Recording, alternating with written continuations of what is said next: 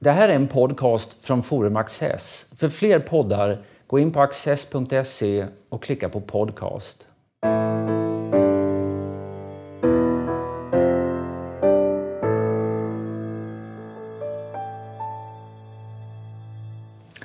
Välkomna till Studio Access. Eh, min gäst idag är Henrik Mittelman. Eh, varmt välkommen. Tack.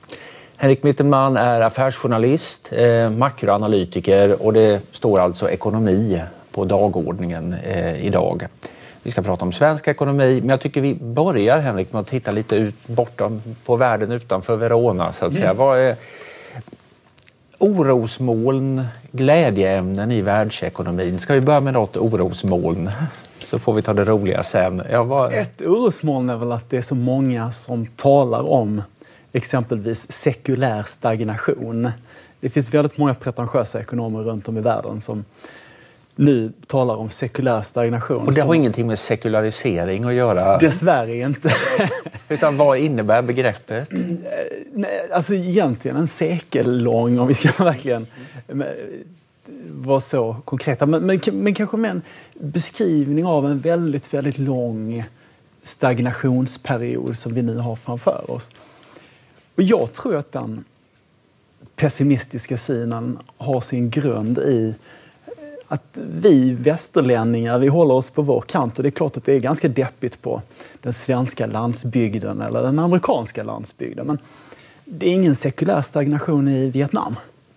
Eller i Indien och där bor ju ändå 1254 miljoner invånare. Det är, det är Larry Summers, den här förre amerikanske finansministern som nu har blivit ja, särskilt förknippad med det här med sekulär stagnation. Mm. Var, hur, hur går hans analys? Varför hamnar han i den slutsatsen?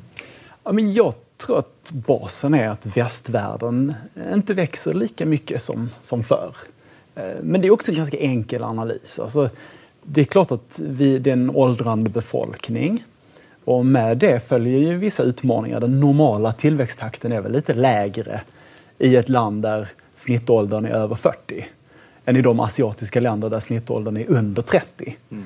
Eh, så det är klart att i den bemärkelsen är det en korrekt beskrivning med lite stagnation i relation till tidigare decennier. Men samtidigt, alltså, städerna växer fint. Även i de här länderna som stagnerar, enligt uppgifter från IMF.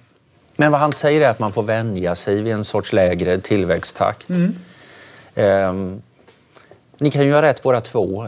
Du säger att det, det går jättebra i Indien. Där växer ekonomin med 7 procent ja. kanske och eh, han säger att det växer långsammare i USA. Mm. Det kan ju stämma bägge delarna. Det lär ju absolut stämma. Ja. Men, tro, men du är hopp, förhoppningsfull även när det gäller så att säga, den traditionella industriella världen? Ja, men just nu är vi i en period, återigen som vi då kallar för sekulär stagnation, men där världstillväxten kanske är 3,5 procent. Det är inte så illa. Vad är det, det dubbla välståndet på 20 år ungefär? Va? Ja, det skulle det göra. Det är väl ganska bra. Eh, men, men sen är det klart att det är ju... Man kommer alltid tillbaka till liksom diskussion om polarisering i, även i världsekonomin. Och eh, I västvärlden så, är man ju, så handlar det väl om den här diskussionen mellan stad och landsbygd.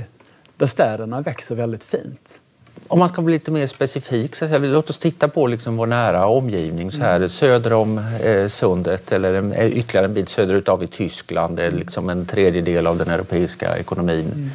Eh, viktigt draglok. Ja, hur, hur, går det i Tyskland? Ganska bra. Vi har fått lite nya siffror nu de senaste dagarna som tyder på att optimismen är på väg upp. Eh, det tyska IFO-institutet i München eh, försöker ju varje månad tillfråga företagare, 7000 stycken, om, om hur de ser på läget framöver, hur de ser på dagens situation.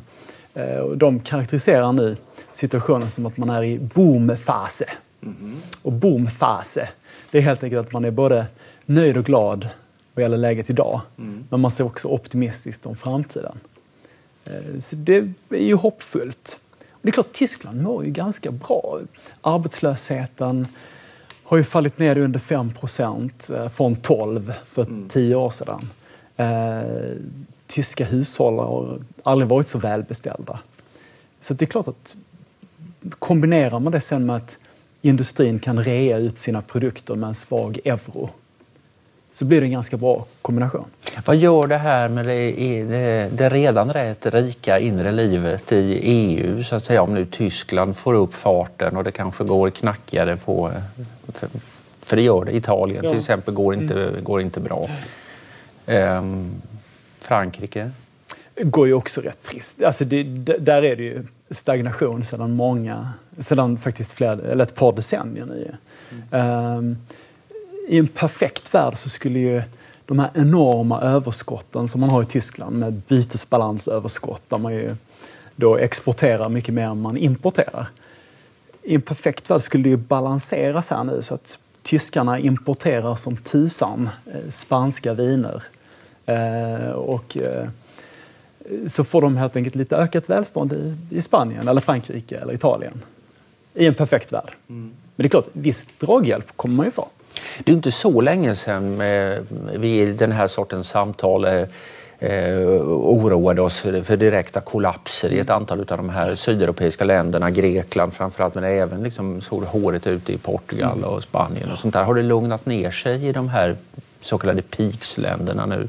Jag tror det är lite olika delar. Spanien mår ju ganska bra just nu. Man har ändå liksom genom eh, politiska reformer och genom att näringslivet har, har, man har lyckats sänka, sänka lönekostnader till exempel. Så man har lyckats liksom med någon form av återhämtning. Så det ser ganska stabil ut i just Spanien. De har inte klarat av att bilda regering i Spanien på ett år eller något i den stilen. Så det, det, De har, har det något med varandra att göra det här? Det går ju väldigt bra nu utan regering. Men, men däremot, ja. Grekland, alltså, det är ju mer att den finansiella marknaden nu ägnar sig åt annat. Mm. Man har oroat sig för Brexit och nu har vi Donald Trump. Eh, men, men problemen kvarstår ju och jag kan inte förstå hur man ska kunna lösa den grekiska problematiken. Alltså för man ska ju inte skriva av skulder, det får man ju inte göra. Ja, men hur ska det då gå till? Han får liksom ge evig amorteringsfrihet eller något i den stilen. Precis, och det är, väl, det är ju det man gör i praktiken. Eh, men, men, nästa, eh, de stora lånen förfaller ju nästa år. Okay. Så rimligen så har vi nu ett halvår där vi inte kommer att prata Grekland. Mm. Det, det som liksom krösamajorna i den ekonomiska debatten är väldigt upptagna med nu det är ju det italienska banksystemet. Mm. Har du djupstuderat det? Nej, men alltså det är ju en utmaning att man inte får i praktiken rädda banker. Mm. Sverige har ju lyckats väldigt bra med det i början av 90-talet när vi bildade Securum som kunde ta hand om lite företag med usla eh, möjligheter och med stora lån, höga lån. Mm. Italien skulle behöva göra något liknande. Men, men man får inte. På grund av EUs ja, regler? Ja. Eh, som, som gör det svårare. Nu försöker man ändå med någon form av konsortium. Och man tar väl små steg i rätt riktning. Men, men det är ju banker med lån som är riktigt, riktigt usla. Och som man helt enkelt inte kan räkna med att man får tillbaka pengarna på. Hur ser det ut med allmänt i den europeiska banks... Är det något vi har lärt oss liksom efter den här finanskrisen är ju att det är väldigt klokt att ha ett, eh, eh blicken, åtminstone det ena ögat, eh, fäst vid bankerna därför att när det smäller till där då kan det få så enormt stora konsekvenser. Eh, är det städat under den här tio års, inte riktigt, men åtta årsperioden sedan finanskrisen? Eller finns det otäckheter på fler håll än i Italien? Men jag tror också att du har rätt. Alltså, bankerna är ju en återspegling av den verkliga ekonomin på något sätt. Eh, och, och, där har ju politiker nu med all kraft ägnat sig åt att formulera nya regelverk, ökade kapitalkrav. Eh, allt för att undvika en finanskris som vi fick 2000, 2008.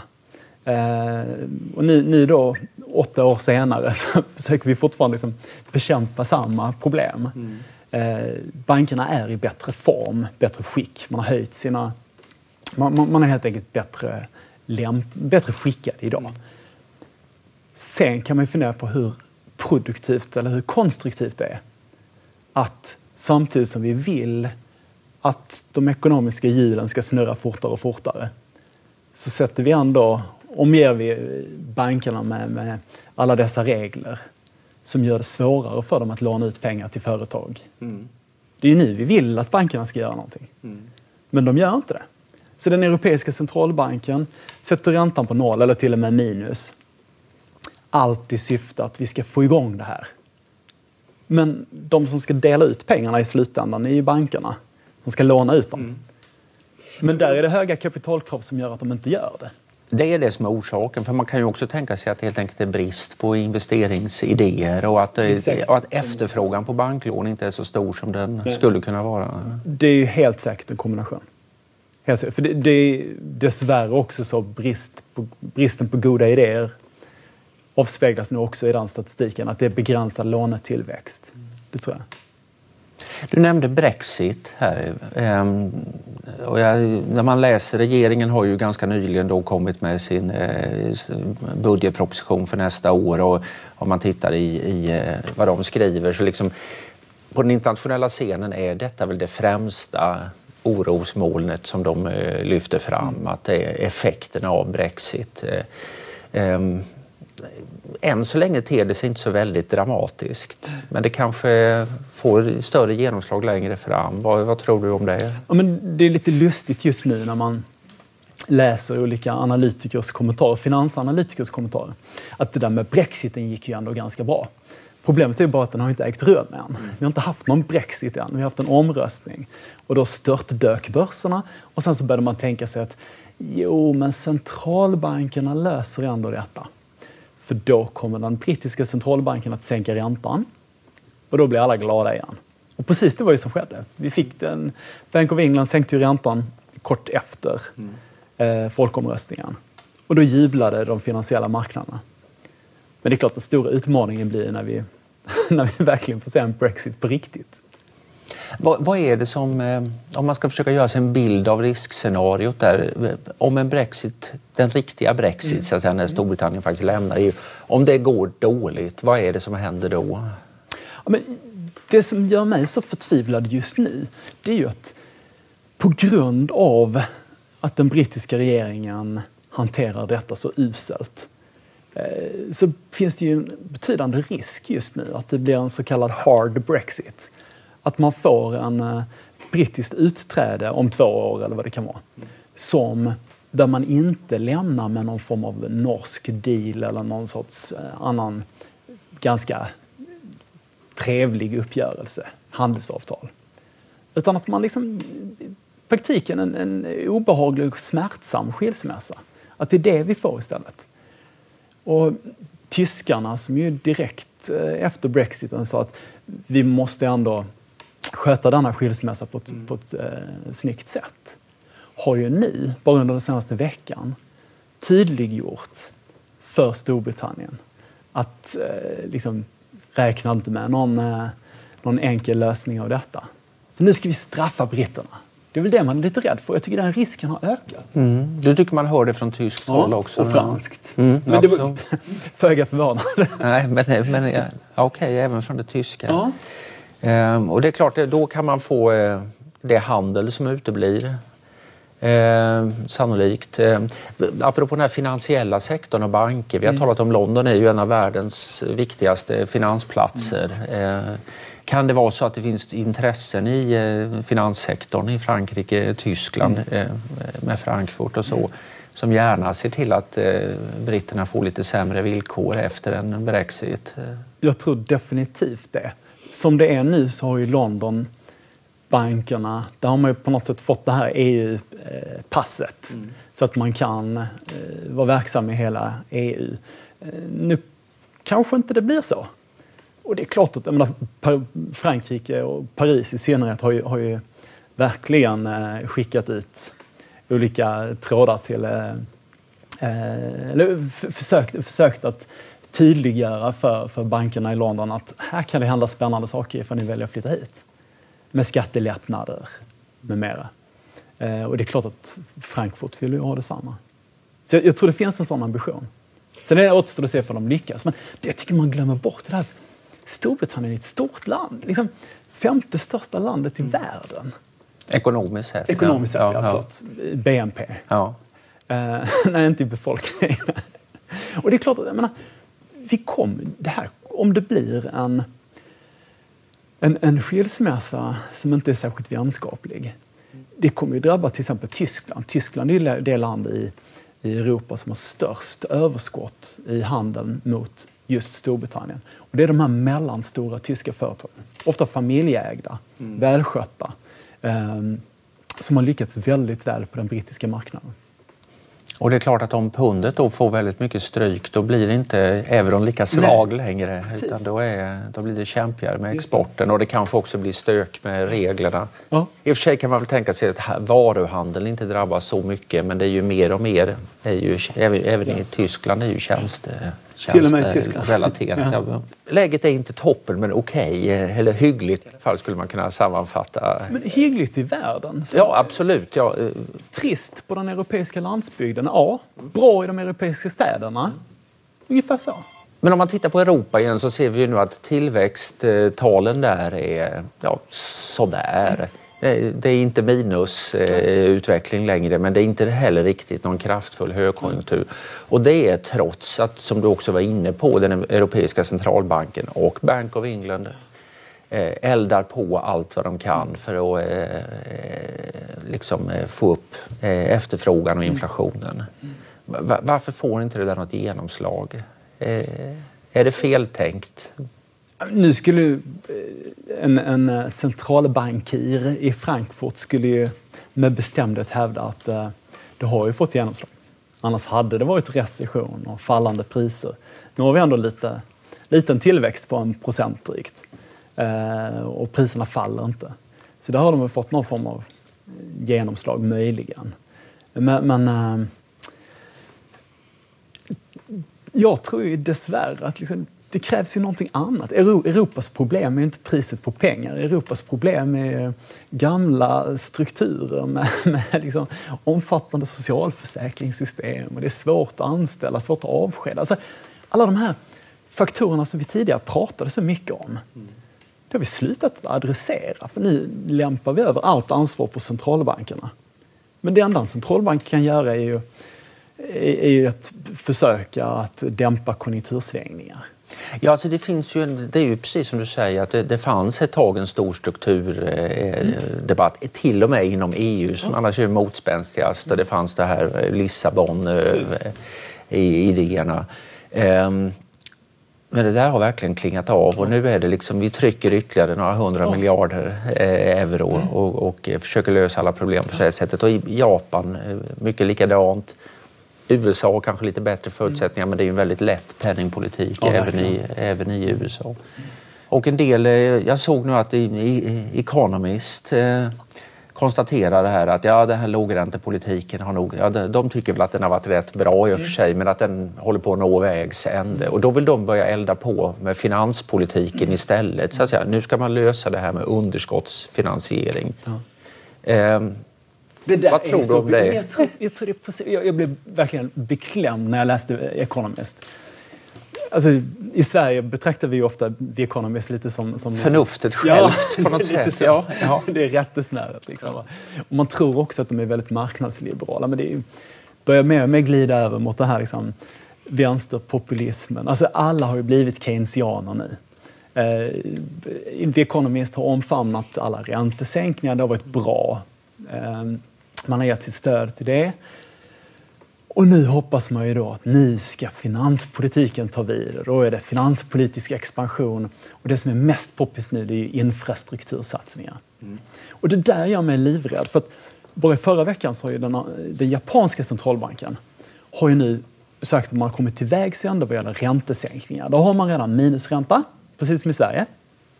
Man köper obligationer med andra så trycker man pengar. Det är precis vad man gör. Det är precis samma sak. Mm. Köper obligationer, man köper till och med aktie eh, ETF, alltså börshandlade indexfonder. Eh, så man köper helt enkelt aktier i praktiken. Mm. Men nu har man kommit till vägs ände, så vad ska man göra nu? Då kommer man på den snillrika idén att vi bestämmer oss för att tioårsräntan ska ligga kring noll. Nu pratar vi alltså lån, statliga lån på tio år som centralbanken säger, det kommer ligga på noll. Och de ska garantera detta? Ja. Och det, kan, det är sig riktigt, det kan de ju göra för att de äger ju sedelpressarna. Mm. Så de kan ju köpa upp alla obligationerna. Det är klart det är någonting märkligt här. Den japanska staten lånar, mm. och det har de ju varit rätt duktiga på under många år, med världens högsta ja, statsskuld. Ja, det var en gigantisk statsskuld. Och, ja. och på andra sidan gatan köper centralbanken upp de här skuldsedlarna.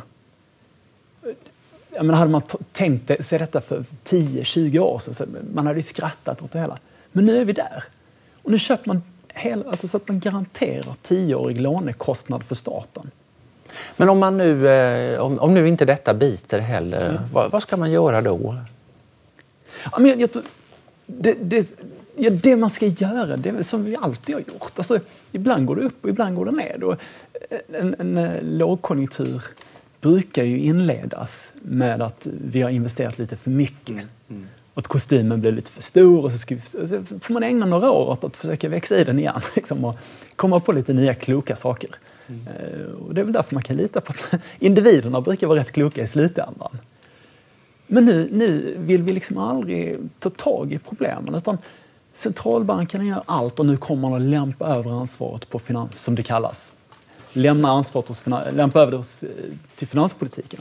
Jag vill få ta den här Economist-artikeln till exempel. Så, så de, eh, de talar ju också för strukturreformer och säger att det vore bra. Men verkar egentligen inte riktigt ta det pratet på allvar själva utan det där tar så lång tid. Och det, är, det är för jobbigt. Det är, ja, det är för jobbigt. Och, eh, jag kan förstå att, jag, jag, tycker mig förstå varför politiker numera tänker mer och mer. Det, går, det är hetsigare, hetsigare, snabbare och snabbare tempo.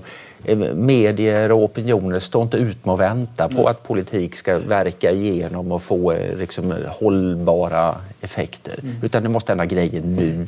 Ja. Avreglerar vi en marknad så tar det flera år innan det startas mm. företag, anställs folk sånt här. Men det går att trycka en himla massa mm. pengar bara genom att trycka mm. lite på ett tangentbord. Den här otåligheten och, och opportunismen. Det är synd att liksom någon som ska bilda opinion i ekonomiska frågor tycker att han måste ta precis samma hänsyn då och, och som är en tung eh, opinionsledare. Men, men eh, tror du det är detta som är orsaken till strukturpolitikens död eller kan det finnas något annat skäl till det? Ja, men jag tror det. Alltså, vi får inte bli alltför långrandiga om liksom otålighet men det, det, det är väl det där med liksom, eh, omedelbar eh, belöning som vi ser runt om i hela samhället. Mm. Eh, och där, som vi ser på massor med olika områden. Eh, och nu har den drabbat oss vuxna också. Eh, och jag är bara livrädd att det vi får se nu är politiker som beslutar sig för vansinniga projekt. Jag kommer, du och jag har pratat om det här i, i din fina tv-kanal. Har vi tidigare pratat om, om eh, när lånekostnaderna är så låga så kan det till och med bli lönsamt att bygga en bro mellan liksom, eh, Ystad och Polen. Mm. Och det, det var ju liksom ett skämt såklart. Men, men vi kan ju prata om sånt som inte kallas skämt, även ifall det borde vara det, som, som höghastighetståg i Sverige. Det, det ska kosta då 300 miljarder kronor. Och sånt. Och förnuftiga människor, som, annars förnuftiga människor, som vi, som vi till och med känner, mm. tycker att detta är rimligt. Och tänker man så att tioårsräntan, om, om Sverige skulle anamma någon sorts Eh, Bank of Japan-politik. Mm. Ja. Ser du att det ligger i farans riktning här? Ja.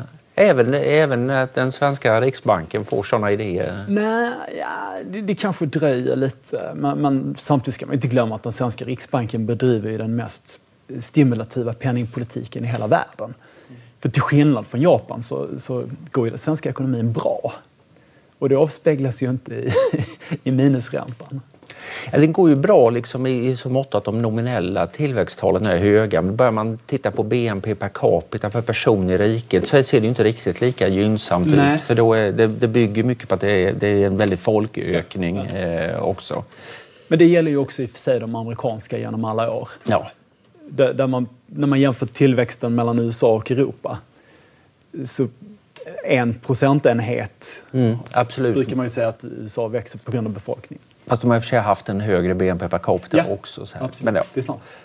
Men, men eh, det är ju lite märkligt. Om det är så att, att den här otåligheten eh, eh, väljarnas korta eh, förmåga att vänta, eller oförmåga att vänta på, eh, på att politik ska få full effekt. Om man möter en sån opinion, en sån stämning i samhället med en politik som gör att det liksom är mycket klokare att låna pengar än att spara mm. pengar. Vad, vad kommer i förlängningen här? Jag,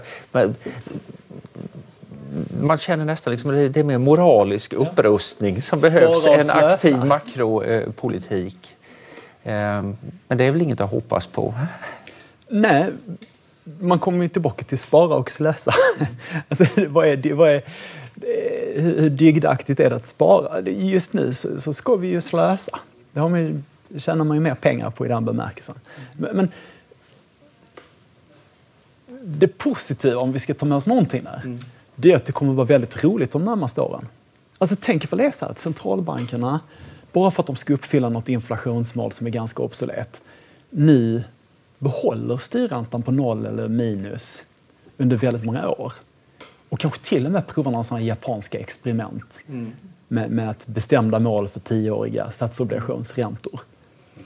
Det är klart att det kommer vara väldigt roligt för oss som äger någonting. Äger en, ett hus eller aktier. Eh, för det, vi kommer få se en rejäl uppgång i värderingen om det nu mm Ännu mera än det vi är så bekymrade ja. över. Ja. Och så efter oss syndafloden på ja. något sätt. Ja. Då. det är också intressant. Vi, vi, vi, hinner inte riktigt eh, tyvärr fördjupa oss i detta men för, men eh, för den här lågräntepolitiken får liksom ja, den får problematiska effekter till exempel på framtida pensioner. Ja. Och sånt här. Att det är avkastningen på det här stabila sparandet blir dålig eller ja, rent av negativ i värsta fall. Men den omedelbara belöningen, priset för det, eller kostnaden för det, mm. det är ju bland annat pensionerna. Vi lånar ju av framtida pensionärer. Om man nu skulle satsa på det som du verkar inne på här med, med strukturgrepp istället. Och låt oss prata Sverige. Tiden har gått väldigt fort för oss här under detta trevliga samtal. Men, mm. men avslutningsvis, om du fick lägga fram ett par, tre reformer som faktiskt har strukturell innebörd och sånt där. Vad är, vad är viktigast att ta tag i nu för den som vill förbättra ekonomins funktionssätt i Sverige? Ja, men med risk för att låta väldigt äh, ålderdomlig så kommer jag tillbaka till någon sorts äh, Reaganomics, alltså en utbudspolitik. Vi behöver, vi behöver äh, sänka skatten på arbete. Vi ska inte bestraffa arbete. Så sänk skatten på det. Eh, och, sen, sen, tror jag väldigt mycket på avregleringar, på alltså arbetsrätten. Eh, som, som, som man måste göra någonting, eller reformera i alla fall, för den är ganska otidsenlig. Mm. Eh, så det är egentligen ganska klassiska grepp. Men det roliga med de klassiska greppen det är att de har lyckats. Säg vad man vill om, om liksom Reinfeldt-regeringen, men den typen av utbudspolitik, inte då vad gäller arbetsrätt, men vad gäller, vad gäller sänkta inkomstskatter eller skatt på arbete, där, där lyckas man ju. Mm. Så om Economist vill ha keynesianism ja. för, för, en ny tid så vill, du, så vill du ha Reagan Absolut. för en ny tid? varje dag. Ja. Tack Henrik Mittelman. Tack. Och tack för att ni har tittat.